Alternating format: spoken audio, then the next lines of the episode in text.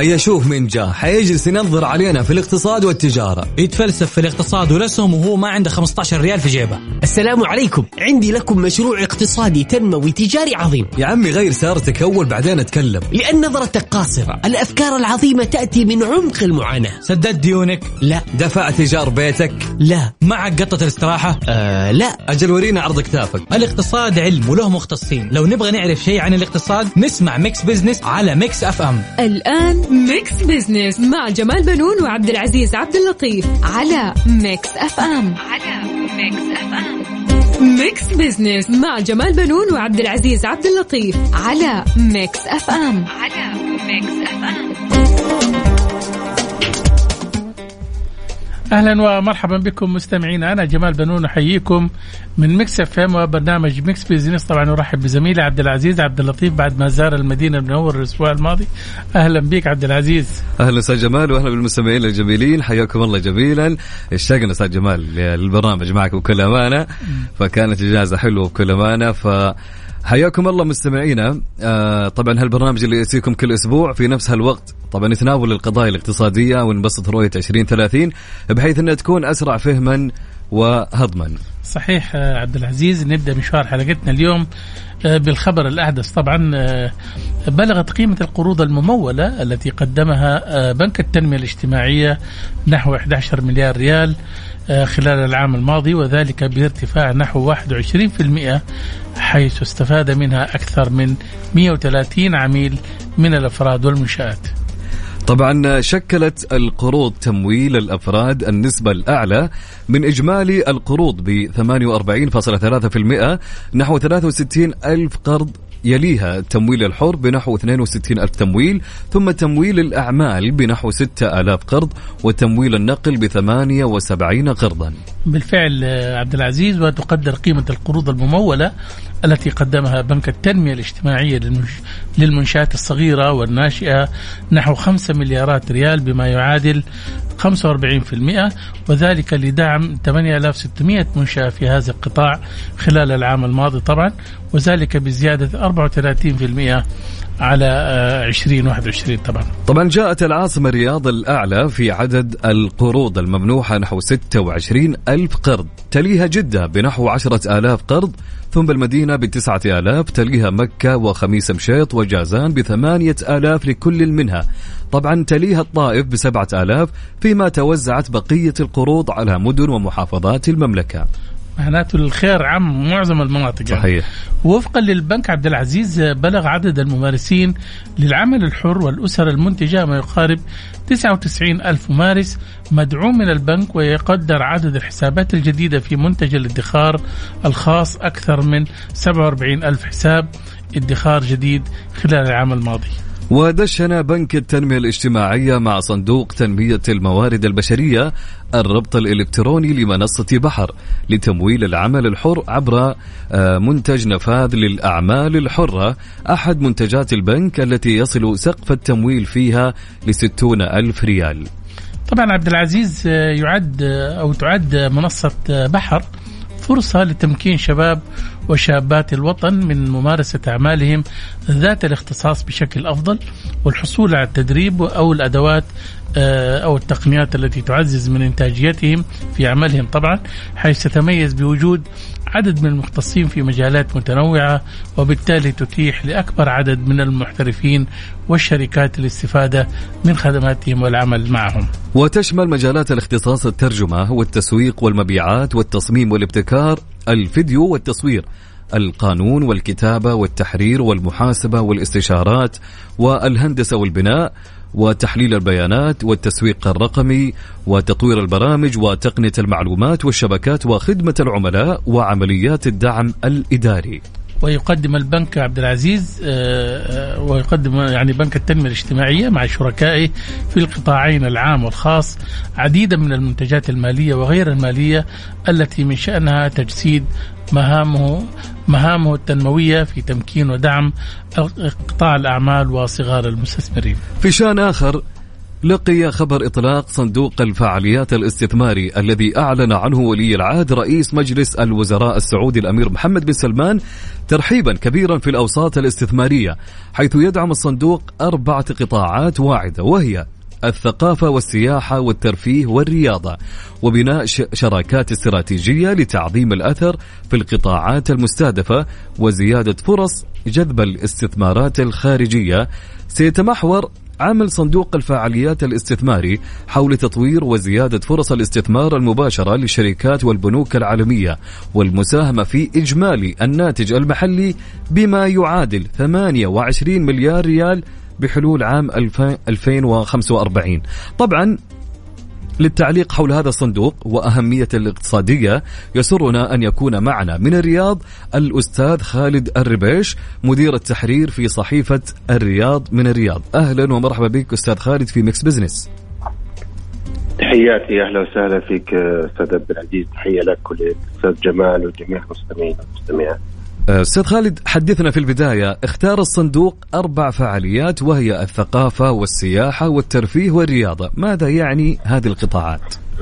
خلينا نقول إنه الصندوق أسس لهذه القطاعات بمعنى أنه آه هذه القطاعات اليوم آه خلينا نبسطها للمستمعين هي من القطاعات اللي كانت في السابق لم تحظى باهتمام واسع واهتمام كبير جدا. على الرغم من أهميتها أهميتها الاقتصادية أهميتها الاستثمارية أهميتها الاقتصادية للبلد وأهميتها الاستثمارية للمستثمرين من الداخل والخارج والأهم والثالث وهو الأهم اللي هو آه، خلق فرص التوظيف. في المجالات الأربعة هذه من المجالات المهمة والسهل الحقيقة التعامل معها بمعنى أنه اليوم في بعض القطاعات خصوصا القطاع السياحي خصوصا مثلا قطاع الترفيه. أنت ما محتاج آه، إلى أكاديميين ولا حملة ماجستير ودكتوراه حتى إنه يعملوا في هذه المجالات. قطاع التجزئة وقطاع الترفيه وقطاع السياحة من القطاعات السهل جدا حقيقة. أنت تحتاج سكيلز أو مهارات بسيطة جدا للعاملين تدريب بسيط ومن ثم التوسع في هذا المجال. وبالتالي دعم هذه القطاعات ينعكس مثل ما قلنا على المسارات الثلاثة هذه كلها الاستثماري الاقتصادي والتوظيف. طيب ليش هذا الصندوق اليوم؟ طيب مو إحنا أساسا عندنا صندوق للثقافة وعندنا صندوق للسياحة وعندنا صندوق للقطاع الرياضي ليش اليوم هذا الصندوق للبنية التحتية؟ مهمة هذا الصندوق الحقيقة هي مهمة ذات أبعاد استراتيجية مهمة يعني والدليل الحقيقة اختيار المواقع اللي أعلن عنها الرئيس التنفيذي للصندوق. بمعنى أنه اليوم أنا هذه الأرض هي أرض خام ما يوجد فيها أي خدمات. أنا اليوم كحكومة راح أوفر لك البنية التحتية كاملة من كهرباء من مياه من طرق من نقل من خلافه لكن أنت اليوم مطلوب منك كمستثمر أنك أنت آه، آه، تستثمر في هذا الموقع لأنه كل شيء مهيأ لك وانت اليوم كشركه آه، صغيرة أو متوسطة عندك آلاف أو عشرات أو مئات الفرص في هذا المكان أو في ذلك المكان بعد تهيئته. فالصندوق بالأساس هو تهيئة الفرص للمستثمرين، يعني أساس آه توجه الصندوق هو تهيئة الفرص للمستثمرين، إحنا كان نتكلم B to B أو آه يعني جانب استثماري إلى جانب استثماري. فاختيار المواقع من الآن آه يعكس الحقيقة أنه هذا الصندوق أسس على أمر واضح ورؤيه واضحة أنه اليوم أنا آه، أعمل في هذه القطاعات اللي كانت مهملة في السابق نعم. والجانب الثاني أني أسس إلى بنية تحتية جيدة يمكن أن أبني عليها من خلال مشاريع مستقبلية. صحيح. بالتالي أستاذ خالد أعتقد أنه هذا حيساهم يعني اقصد صندوق الفعاليات الاستثماري في جذب استثمارات أجنبية، ولا كيف؟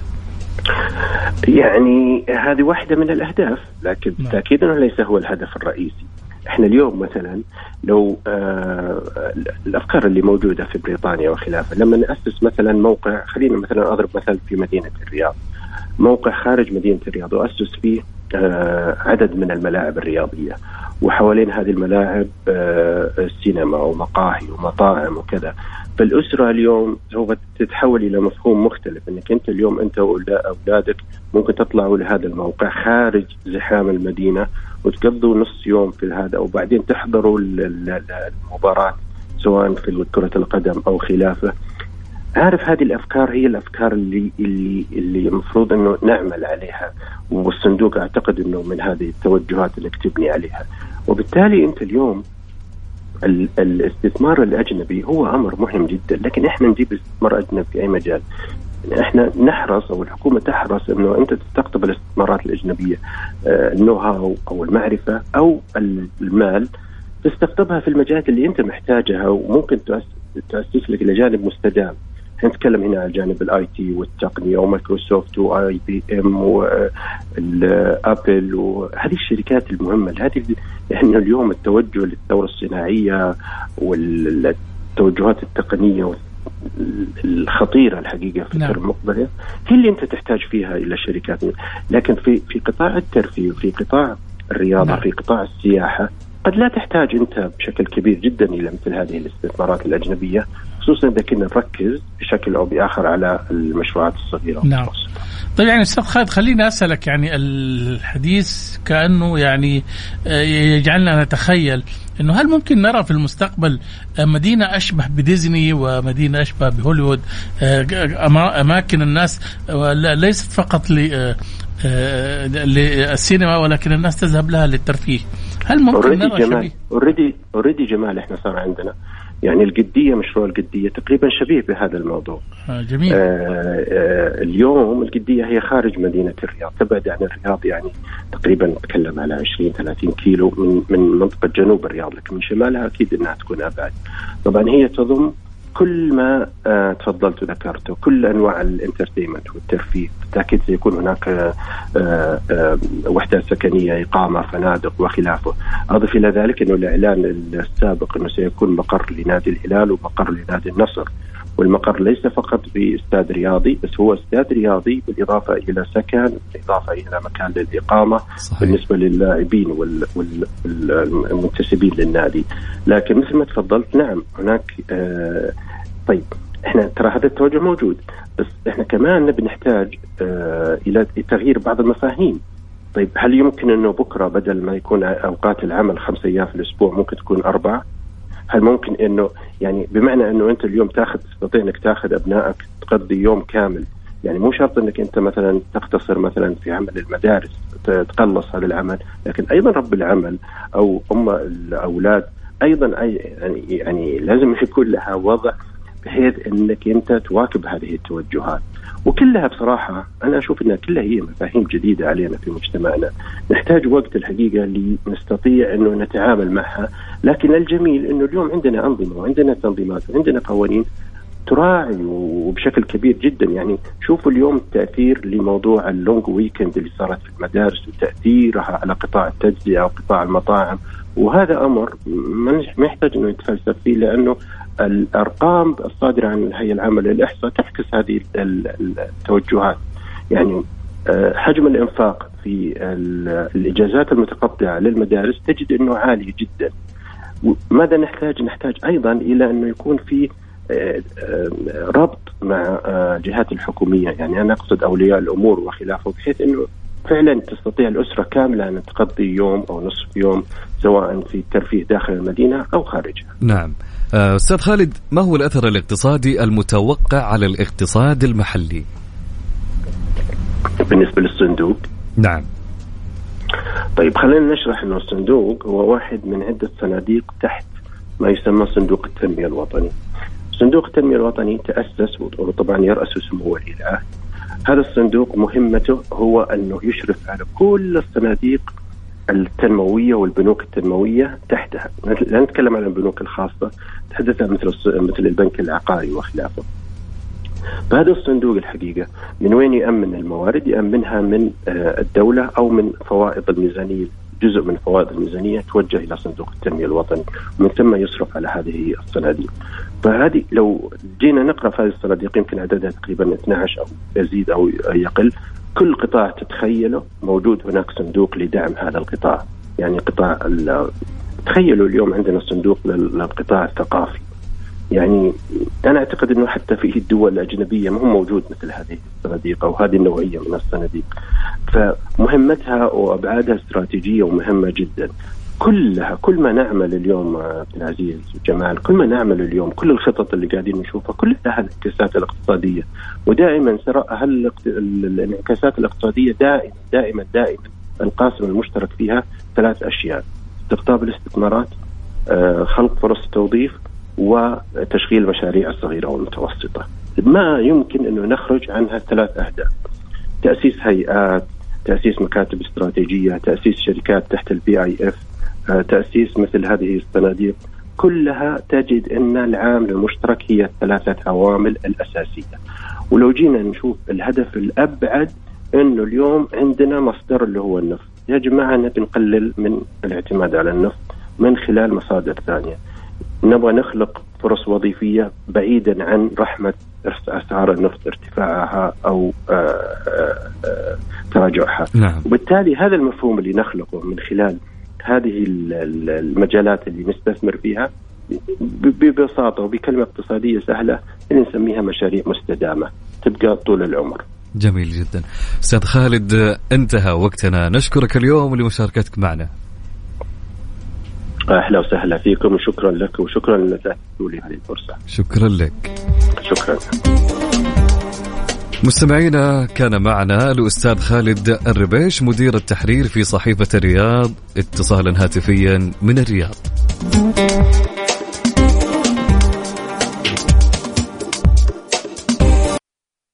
Mix Business مع جمال بنون وعبد العزيز عبد اللطيف على Mix FM على Mix FM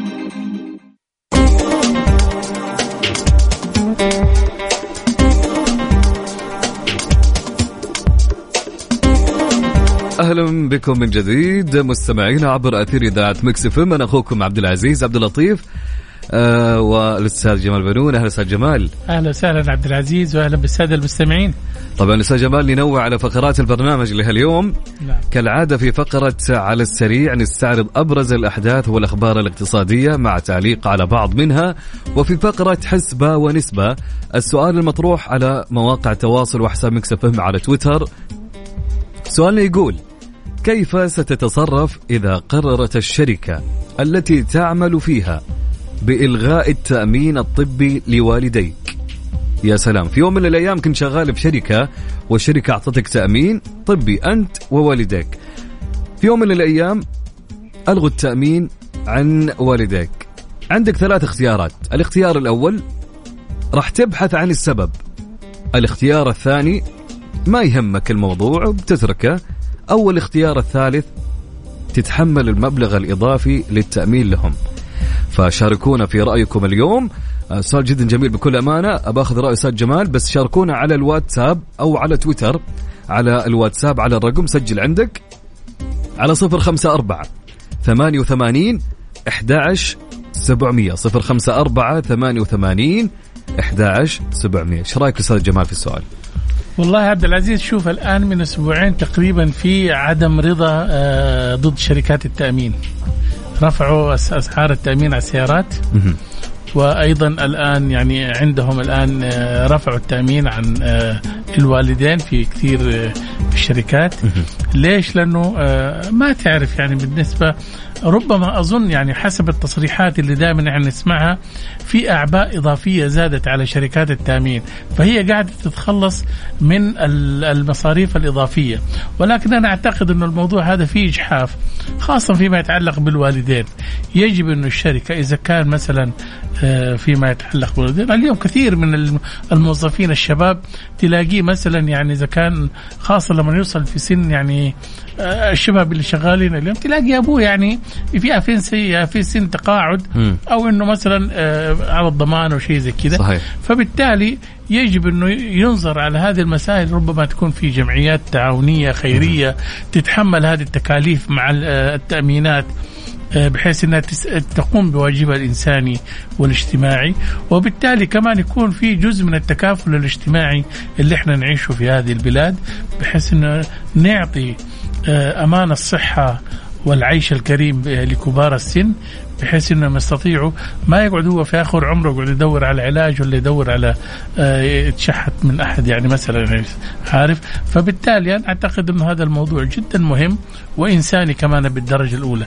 بس خلينا نشوف آراء آه، السادة المستمعين نستمع على تعليقاتهم. طبعا خليني يا- أسمع رأيك كمان. يا ليت أنا كنت بقول لك يعني أنا مع رأيك ويا ليت تكون يعني خلينا ما نقول إجبارية لازم تكون مهمة لكل إلزامية. الشركة إلزامية. يا ليت والله. نعم. فهي مهمة جدا بكل أمانة. فنتمنى نشوف آرائكم أكيد على سؤال اليوم. سؤالنا يقول كيف ستتصرف إذا قررت الشركة التي تعمل فيها إلغاء التأمين الطبي لوالديك؟ عندك ثلاث اختيارات. راح تبحث عن السبب.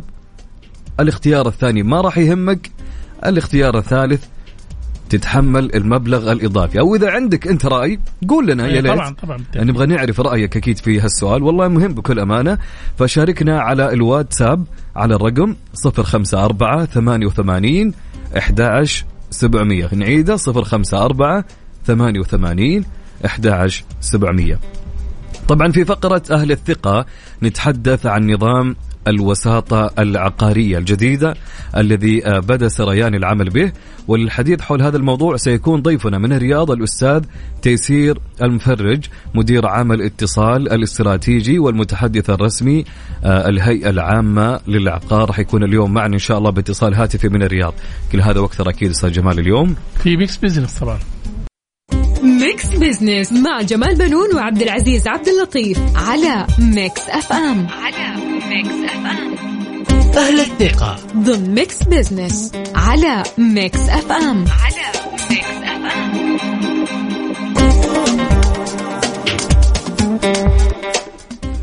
أهلا وسهلا بكم مستمعينا الكرام في Mix Business طبعا معي زميلي عبد العزيز عبد اللطيف. مرحبا عبد العزيز. مرحبا أستاذ جمال ومرحبا بالمستمعين الكرام.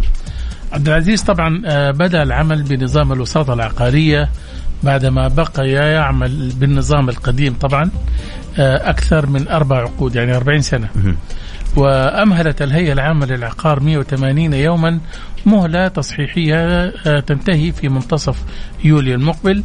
ويهدف نظام الوساطة العقارية إلى تنظيم نشاط الوساطة العقارية وتقديم خدمات عقارية مبتكرة ونوعية للمستفيدين حيث يرفع جودة التعاملات العقارية ويدعم أنشطة الوسطاء العقاريين والمستفيدين ويساهم في استدامة الأصول العقارية ويسهم في حفظ حقوق المتعاملين ويحد من النزاعات العقارية ويرفع شفافية السوق العقاري. طبعا نتعرف أكثر حول آلية العمل وتطبيق النظام الجديد يسرنا أن يكون معنا من الرياض الأستاذ تيسير المفرج مدير عام الاتصال الاستراتيجي والمتحدث الرسمي في الهيئة العامة للعقار. مرحبا بك أستاذ تيسير في Mix Business حياك الله ومساءكم وساطة. أهلا وسهلا بك. خلينا أعرف منك أول شيء أستاذ تيسير أثر تطبيق الوساطة العقارية الجديد على سوق العقار في السعودية؟ كل نظام آه، يصدر الأهداف الرئيسية فيه هي معالجة آه، خلل أو معالجة مشاكل أو معالجة تحديات كانت موجودة آه، في في هذا السوق أو في هذا المجال.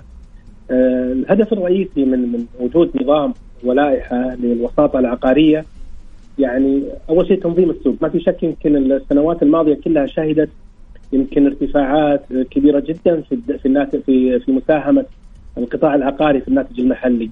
آه، يعني نتكلم عن آه، رقم كبير جدا يساهم فيه القطاع العقاري في الاقتصاد السعودي. آه، التنظيمات، اللوائح، أشياء كثيرة جدا كان معمول فيها سابقا. الآن كلها صارت تحت مظلة واحدة وهي نظام الوساطة العقارية، الهدف الرئيسي هو رفع الثقة في السوق العقاري، رفع الثقة في من يتعامل في هذا السوق، رفع مستوى جودة الخدمات. وهذه النقطه مرة مهمة، أيضا حفظ الحقوق، يعني حفظ حقوق جميع الأطراف المتعاملة في القطاع العقاري. آه هذه كلها آه هي الأهداف الرئيسية التي التي تجعل من النظام إن شاء الله النظام آه خلينا نقول آه فاعل داخل السوق العقاري آه لوجود آه هدف رئيسي كبير جدا وهو رفع موثوقية القطاع العقاري. جميل جدا. آه خلي طيب أستاذ تيسير يعني آه، إذا حبينا نعرف الأنشطة اللي تخضع للنظام وإيش هي التراخيص الواجب الحصول عليها؟ إحنا نتكلم عن سبع أنشطة رئيسية. نشاط الوساطه العقارية. واللي نقصد فيه هو التوسط في إتمام أي صفقة عقارية بين طرفين مقابل الحصول على عمولة. وهذا يمكن الشيء الدارج اللي دائما الناس تعمل فيه. وعندنا نشاط التسويق العقاري. وهو الترويج آه، للعقار بأي شكل من الأشكال اللي دائما يتم اتخاذها عن طريق وسائل الإعلام. وعندنا النشاط الثالث هو نشاط إدارة الأملاك، النشاط الرابع آه، نشاط إدارة المرافق، النشاط الخامس آه، نشاط المزادات العقارية، النشاط السادس نشاط الإعلانات العقارية، النشاط السابع وهو نشاط الاستشارات والتحليلات العقارية. سبع أنشطة رئيسية تخضع لنظام الوساطة المنشآت تستطيع ممارسة هذه السبع كاملة الأفراد يستطيعون ممارسة أربع أنشطة آه، فقط وهي الوساطة والتسويق والإعلانات والاستشارات. جميل جدا. آه، هل سيتم إلغاء سيطرة الأعمال الوافدة آه، على سوق العقار؟ ما في شك إنه أي نظام يحدد دائما الأطر العامة لهذا السوق، التنظيمات اللي موجودة بالتأكيد ستساهم في الحد من المخالفات سيتم التعامل مع أي مخالفات لها علاقة بالتستر وفق الأنظمة المعمول فيها من وزارة التجارة وبالتالي إن شاء الله إنه هذا النظام وغيره من الأنظمة المتكاملة تساهم في الحد من وجود التستر التجاري داخل السوق. جميل جدا. آه طيب آه لماذا تنازلت الهيئة العامة للعقار عن شرط التأهيل والمقابل المالي في فترة التصحيح؟ آه شوف بموجب المرسوم الملكي اللي طلع بيقضي بنفاذ نظام الوساطة نفس هذا المرسوم هو أتاح للممارسين العقاريين العاملين حاليا في مجال الوساطة والخدمات العقارية إنهم ينظمون ويصححون أوضاعهم خلال هذه الفترة التصحيحيه. الفترة التصحيحيه حتنتهي يوم 30 ذو الحجة 1444 إن شاء الله وخلال هذه الفترة آه سيتم إصدار الرخص آه بدون مقابل مالي وبدون اشتراط اجتياز البرنامج التاهيلي فقط لفترة المهلة التصحيحيه. والهدف هو إعطاء فرصة للتصحيح للتدريب لتنظيم الأوضاع ولكن يجب على الوسيط العقاري إنه بعد المهلة التصحيحيه يبدأ يجدد هذه الرخصة وفق الاشتراطات المقررة نظاما وهي اجتياز الدوره التدريبية وأيضا وجود المقابل المالي.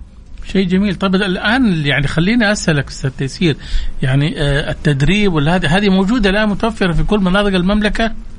المعهد العقاري السعودي الآن هو من يقدم هذه الدورات. ويعمل على أنه تكون هناك دورات معتمدة من المعهد العقاري لتقديمها للسوق. يعني الآن اللي يشتغل في هذا المجال يعني ملزم عليه إنه يعلق الشهادة في المحل أو المكتب اللي أو يقدمه للجهة التي تطلبه. جمال نعم. الأنظمة مو فقط آه، يعني النظام بالذات نظام الوساطة مو فقط ينظم السوق سيحول السوق إلى سوق مهني أقصد إنه لن يعمل في مجال الوساطة في هذه السبع الأنشطة اللي ذكرتها إلا من هو مرخص مرخص يعني هو ماخذ رخصة آه، اشتراطها وجود دورة تدريبية مؤهلة في المعهد العقاري السعودي أو من تخول المعهد لتقديم هذه الدورة. يعني أستاذ تيسير والله كلامك جدا مهم بس أنا الحقيقة يعني إحنا اللي شفناه في في الماضي أو اللي حتى يعني حتى إلى قبل صدور النظام كنا نشوف ناس كل المتقاعدين كانوا بيقعدوا فيها في اكشاك في أرض كده خالية وفي مكاتب كده يعني كل المتقاعدين والناس اللي كده ما عندهم أي شغلة كانوا بيشتغلوا في العقار فيبدو إن الصورة الوجه الجديد للوساطه العقارية حيكون مختلف تماما. تماما انتهت. خلاص الآن ما عاد في. الآن شوف سابقا جمال أخوي عبد العزيز سابقا كانت أي واحد يبغى يفتح مكتب عقاري يحتاج سجل تجاري وترخيص من البلديه ويفتح مكتب عقاري. نعم. الآن لا. النظام حتى نظام المكاتب اللائحة اللي كانت تعمل على طوال 46 سنة. يعني أنت لما كنت شباب جمال 46 لما كنت شباب وقتها. اللائحة هذه الآن انتهى العمل فيها. الآن لا يمكن إنه آه، أحد يجلس في المركز ويقول أبغى أفتح مكتب عقاري. الآن لا تحتاج آه، رخصة آه، رخصة ممارس من الرخص اللي موجودة في السوق العقاري.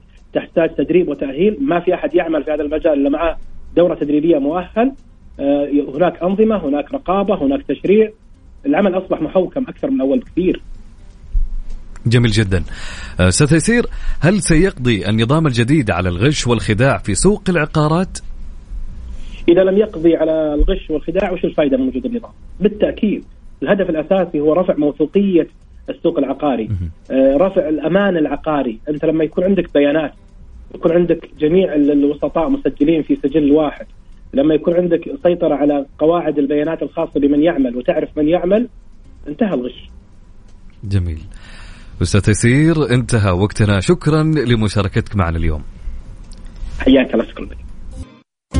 على السريع. ضمن Mix Business على Mix FM على Mix FM حياكم الله من جديد هلا وسهلا مستمعين عبر أثير إذاعة Mix FM أنا أخوكم عبد العزيز عبد اللطيف ومعي الأستاذ جمال بنون أهلا الاستاذ جمال أهلا وسهلا عبد العزيز الحقيقة كنت أبغى آه، أشيد بالمهرجان الفني اللي أمس آه، كان تكريم آه، الفنانين. Joy Awards. أي. نعم. نعم. كان جدا رائع ولا إيش رأيك أنت؟ فعلا كانت ليلة جميلة بكل أمانة وكانت يعني الاجمل انها في الرياض فحضور شخصيات وفنانين والتكريم اللي شفناه لكل الفنانين اللي تكرموا فكان شيء جميل بكل أمانة. ليلة جميلة والكل تقريبا يعني اللي حضر يعني يا حظه أنا أقدر أقول يعني.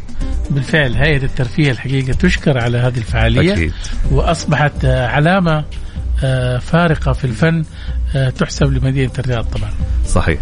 طبعا في فقرة على السريع أستاذ جمال نستعرض أهم وأحدث الأخبار الاقتصادية.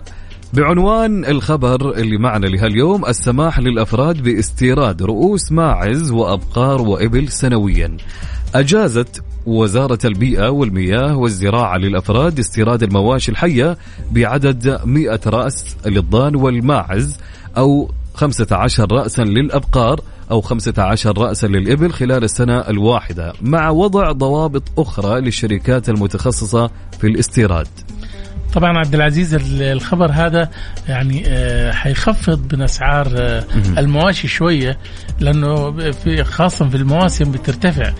وتكملة الخبر عبد العزيز وتضمنت لائحة جديدة تحت الدراسة في مراحلها النهائية أن صلاحية إذن الاستيراد 60 يوم للمواشي الحية والكائنات الفطرية أعداء الطيور الفطرية و10 أيام آه، للخيل طبعا و30 يوما للأنواع الأخرى من تاريخ صدور الإذن.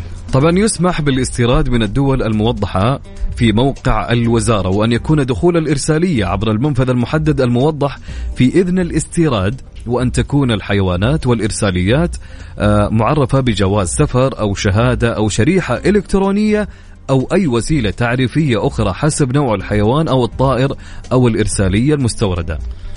الخبر الثاني عبد العزيز تجويد الخدمات لضيوف الرحمن في مؤتمر أبحاث الحج آه، بدأت اليوم طبعا في جامعة أم القرى في مكة المكرمة ملتقى أبحاث الحج والعمرة الذي يقام تحت رعاية الملك سلمان بن عبد العزيز وبحضور الأمير خالد الفيصل مستشار خادم الحرمين الشريفين أمير منطقة مكة المكرمة الملتقى العلم الثاني والعشرين لأبحاث الحج والعمرة والزيارة. طبعا أوضح عميد معهد خادم الحرمين الشريفين لأبحاث الحج والعمرة بجامعة أم القرى تركي بن سليمان العمرو أن الملتقى يعقد بمشاركة من بمشاركة من الباحثين الأكاديميين المتخصصين وممثلي الأجهزة الحكومية والقطاع الخاص والقطاع الثالث ويهدف إلى إبراز أهم التجارب والجهود لتقديم خدمة متميزة لضيوف الرحمن. وأشار إلى أن الملتقى يشمل سبع جلسات علمية يناقش فيها آه 33 متحدثا عددا من المحاور العلمية إضافة إلى ورش عمل وجلسات للملصقات العلمية وذلك من خلال ثلاث محاور رئيسية تناقش ثقافة تجربة الضيف وأهميتها في تحقيق رضا ضيوف الرحمن عن جودة الخدمات المقدمة لهم وفهم احتياجاتهم وتوقعاتهم. وفي خبرنا التالي والأخير أكثر من 10 مليارات دولارات مشاريع سعودية تنموية في 46 دولة أفريقية. قال عزام البراك مدير عمليات الصندوق السعودي للتنمية في شرق وجنوب إفريقيا أن الصندوق السعودي للتنمية منذ تأسيسه في 1975 قدم الدعم ل 46 دولة إفريقية من خلال تمويل أكثر من 408 مشاريع في إفريقيا بقيمة 10 و 47 مليار دولار وأوضح البراك أن هذه المشاريع تمثل 60% من إجمالي المشاريع التي مولها الصندوق وتشمل مختلف القطاعات مثل التعليم والصحة والنقل والاتصالات الزراعة والطاقة وغيرها. طبعا جاء ذلك خلال مشاركة وفد من الصندوق السعودي للتنمية في المنتدى الأفريقي الثاني رفيع المستوى للتعاون الثلاثي فيما بين بلدان الجنوب من أجل التنمية المستدامة الذي تستضيفه العاصمة الأوغندية كمبالا بحضور رئيس أوغندا يويري موسيفيني برعاية كل من الحكومة الأوغندية والبنك الإسلامي للتنمية وبرنامج الأمم المتحدة وبرنامج الأمم المتحدة للمائي والآلية الإفريقية لتقييم النظراء ووكالة تنمية الاتحاد الأفريقي ومكتب الأمم المتحدة للتعاون بين بلدان الجنوب. تأتي مشاركة الصندوق السعودي للتنمية في هذا المنتدى في إطار الاهتمام الذي يوليه الصندوق للمشاركة الفاعلة على المستوى الدولي للتعريف بجهوده ومشاريعه وبرامجه وإبراز إسهاماته التنموية التي تشمل القطاعات كافة في الدول النامية بهدف تحقيق أهداف التنمية المستدامة. طبعا البراك استعرض أثر البرنامج السعودي لحفر الآبار والتنمية الريفية في إفريقيا الممول بمنحة مقدمة من حكومة المملكة العربية السعودية بقيمة 330 مليون دولار أدارها الصندوق السعودي للتنمية. إذا استفاد من هذا البرنامج الذي تضمن حفر 6300 مرفق مياه وتجهيزها أكثر من 4 مليون و500 ألف شخص في 13 دولة.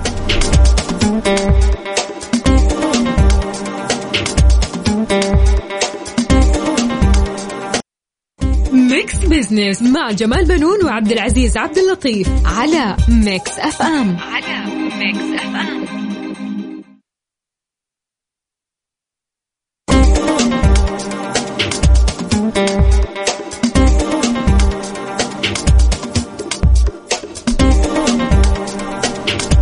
حياكم الله من جديد. هلا وسهلا مستمعين عبر أثير إذاعة Mix FM أنا أخوكم عبد العزيز عبد اللطيف ومعاي الأستاذ جمال بنون. أهلا أستاذ جمال. أهلا وسهلا عبد العزيز وأهلا بالسادة المستمعين. وصلنا لفقرة حسبة ونسبة في سؤال اليوم. نعم. يقول كيف ستتصرف إذا قررت الشركة التي تعمل فيها إلغاء التأمين الطبي لوالديك؟ عندنا ثلاث اختيارات. تبحث عن السبب أو انه ما يهمك أو إنك تتحمل المبلغ الإضافي. خليني آخذ مشاركة أستاذ جمال. معنا مشاركة.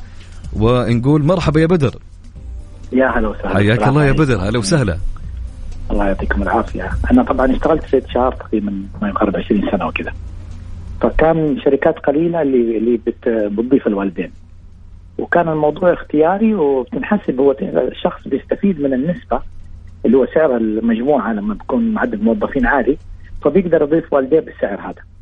فبس هو بيتحمل شو اسمه. طبعا لا ما عدا مثلا مزايا معينة تكون لها بعض البوزيشنات العالية أو شيء بتكون آه، مغطية مثلا من ضمن من ضمن التأمين وكذا وده بالنسبة للمزايا اللي مقدمينها لمدير الإدارة أو مدير القسم أو المزايا للمدراء يعني. كوالدين أيوه للمدراء يعني. طب واختياري واختيار اختياري يكون مثلا للموظفين إنه في مجال إنه والله تستفيد من السعر اللي مقدم لنا للوالدين وبتكون حتى سدادها على أجزاء يعني مقسمه على السنة إنه الشركة بتتكفل بكامل المبلغ وأنت بتغطيه على على مدى السنوات أو مدى السنة بينحسب عليك على أساس إنه يطلع المبلغ المستقطع مبلغ معقول ويكون في إمكانية أفضل من إنه مثلا يندفع كاش مرة واحدة لو جيت كشخص وتتعامل مع شركة بالنسبة للتامين.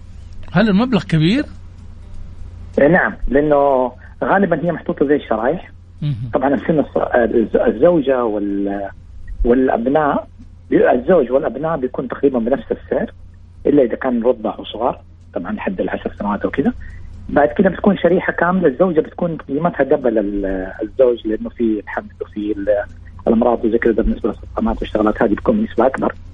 وبعد كده بالنسبة للوالدين فوق ال 60 سنة بيكون فعلا يعني المبلغ مهول يعني لأنه بيكون عرضه للامراض في أمراض مزمنة يكون كثيرة. نعم. يعني النسبة في في, في احتساب قيمه العقد بتكون عالية جدا يعني وبيكونوا مشددين في حكاية التصاريح وزي كذا بالنسبة للفحص الطبي والاشياء هذه. نعم، طب أنت إيش كان إيه. تعليقك على الثلاث الخيارات اللي كانت موجودة؟ آه، أنا أنا إنه لا أنا كنت يبالي موضوع إنه إيش إمكانية إنه إن شاء الله بإذن الله يكون في تواصل بين التأمينات يعني في في ناس اشتغلت في سن مبكرة نعم وقدرت إنها توصل للتقاعد بسن مبكرة برضه يعني مثلا لو واحد يشتغل قلنا 20 25 ممكن يوصل التقاعد نعم. مبكر و 45 أو 50 فإيش إمكانية إنه يكون في استقطاع مثلا نسبي لو قلنا 1% أو 2% أو 3% أو من نسبة نفس الاستقطاع اللي بيستقطع من الموظف في التامينات الاجتماعية ويكون نفس الحكاية بالنسبة للضمان وبالنسبة للموظفي التقاعد الآن اجتمعت التامينات والتقاعد الحمد لله يعني صارت تحت سقف واحد جميل. آه إنه يكون النسبة هذه تتضمن إنه يكون في تأمين طبي حتى لو على شريحة مثلا نقول بسيطة مثلا مستوصفات معينة مستشفيات معينة بحيث إنها ما توصل تكون عندها تحت السقف حقت التحمل وكذا. ويكون في خلاص زي الضمان الاجتماعي تحت الضمان الاجتماعي بتكون مغطى للموظف. بعد ما يتنقل للتقاعد يتنقل على نفس الشريحة مثلا اللي هو عليها أو شريحة أقل بس بحيث إنه تحافظ له على فترات متبقية من من عمره بالفعل فترتك وضحت. شكرا جزيلا لك. الله يعطيك العافية. الله يعطيكم العافية. الله يسعدك طبعا عندنا تعليق ثاني أستاذ نعم. جمال. نعم. كان يقول آه، بصراحة الشركة عندنا يدفعون حق التأمين للأسر. طيب جميل. وتعليق آخر يقول السبب لو مقنع أتحمل المبلغ. طيب وعندنا آه، أبو عبد الملك من الخبر. هل وسهلا بأبو عبد الملك. أبو عبد الملك يقول في 2008 استقلت من شركة كبيرة في ينبع صناعية وانضممت لشركة سابق في الجبيل عشان موضوع تأمين الوالدين. كان من أولى أولوياتي الشركة اللي كنت ماشي منها. طالع في باستغراب دكتور الشركة وأنا بوقع منه إخلاء الطرف وقال لي بالحرف الواحد الأسبوع الجاي حيبدأ العمل ببوليصة التأمين للوالدين. الشركات اللي تحترم نفسها بتتعامل مع الموظف كجزء لا يتجزأ من كيان الشركة. صحيح بالتأكيد آه لازم إحنا نعرف إنه آه اليوم متى ما أعطيته جودة العمل في يعني في مكان العمل مو فقط إنك أنت تعطي له مكتب مريح ومواقف وبيئه لا لازم تريحه في كل نوع.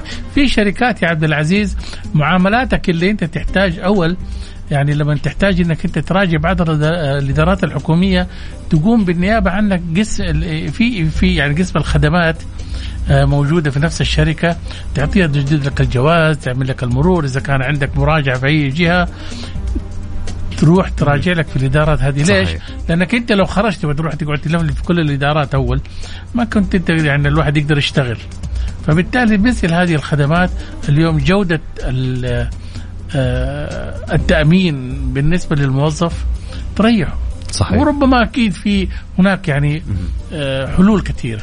صحيح. صح ولا لا؟ طبعا في نسبة آه، التصويت اللي اليوم اللي كان معنا في تويتر على حساب Mix FM Radio آه نبدأ بالنسبة الأقل. طيب. حصل على 3% لا يهمني. طبيعي. 100% ما في أحد يمكن صوت عليه يمكن إلا كم شخص. و آه، بالنسبة اللي آه، اللي بعد تليها بنسبة 34% أتحمل المبلغ الإضافي. جميل جدا. أي. هذه مبادرة من الشباب ومن الموظفين تجاه والدينهم هذا شيء كويس. بس عندي تعليق على بالنسبة اللي جابت نسبة أقل. لا يهمني إحنا لا نعتقد إنه الشباب اللي قالوا لا يهمني إنه هو يعني آه، ما يهم الموضوع. ربما يكونوا والدينه متوفين. يعني صحيح صحيح صح ولا لا؟ صحيح. فبالتالي هو ما بيتحمل يعني إيش؟ هذه المصاريف. طبعا. وأما في النسبة الأولى اللي حصلت على 63% آه، أبحث عن السبب. فعليا أبغى أعرف ليش. ليش شال التأمين ومن إلى الإسباب اللي أدت إلى ذلك؟ والبحث عن الحلول طبعا بالتأكيد. أكيد. لأنه آه، في الأخير هذول آه، شريحة مهمة عندنا في المجتمع. مثل ما تعليق أبو عبد الملك مثل ما تفضل وكتب لنا إنه فعليا هو استقال من شركة بسبب هالموضوع. نعم شوف. صحيح. بالفعل. طيب فالوقت دهمنا أستاذ جمال بكل أمان اليوم بشكل سريع. ما أدري هو أنا ماخذ إجازة نسيت الوقت ولا أنا مشتاق؟ لا لا بالفعل الحوار كان ممتع والمواضيع كانت شيقة وتعليقات السادة المستمعين صحيح. آه، أعطت للحلقة آه، ميزة اليوم. صحيح. طبعا نشكر ضيوفنا اللي شاركونا اليوم في حلقة Mix Business الأستاذ خالد الربيش مدير التحرير في صحيفة الرياض كان اليوم معنا في اتصال هاتفي من الرياض. وكان معنا الأستاذ تيسير المفرج مدير عام الاتصال الاستراتيجي والمتحدث الرسمي في الهيئة العامة للعقار من الرياض. وشكرا ل آه، آه، يعني تقريبا لآرائكم ومشاركاتكم معنا اليوم وبإذن الله موعدنا يتجدد معكم الأسبوع المقبل بحول الله تعالى. بإذن الله إن شاء الله نكون قدمنا لكم حلقة دسمة وطبق من المعلومات المفيدة في أمان الله.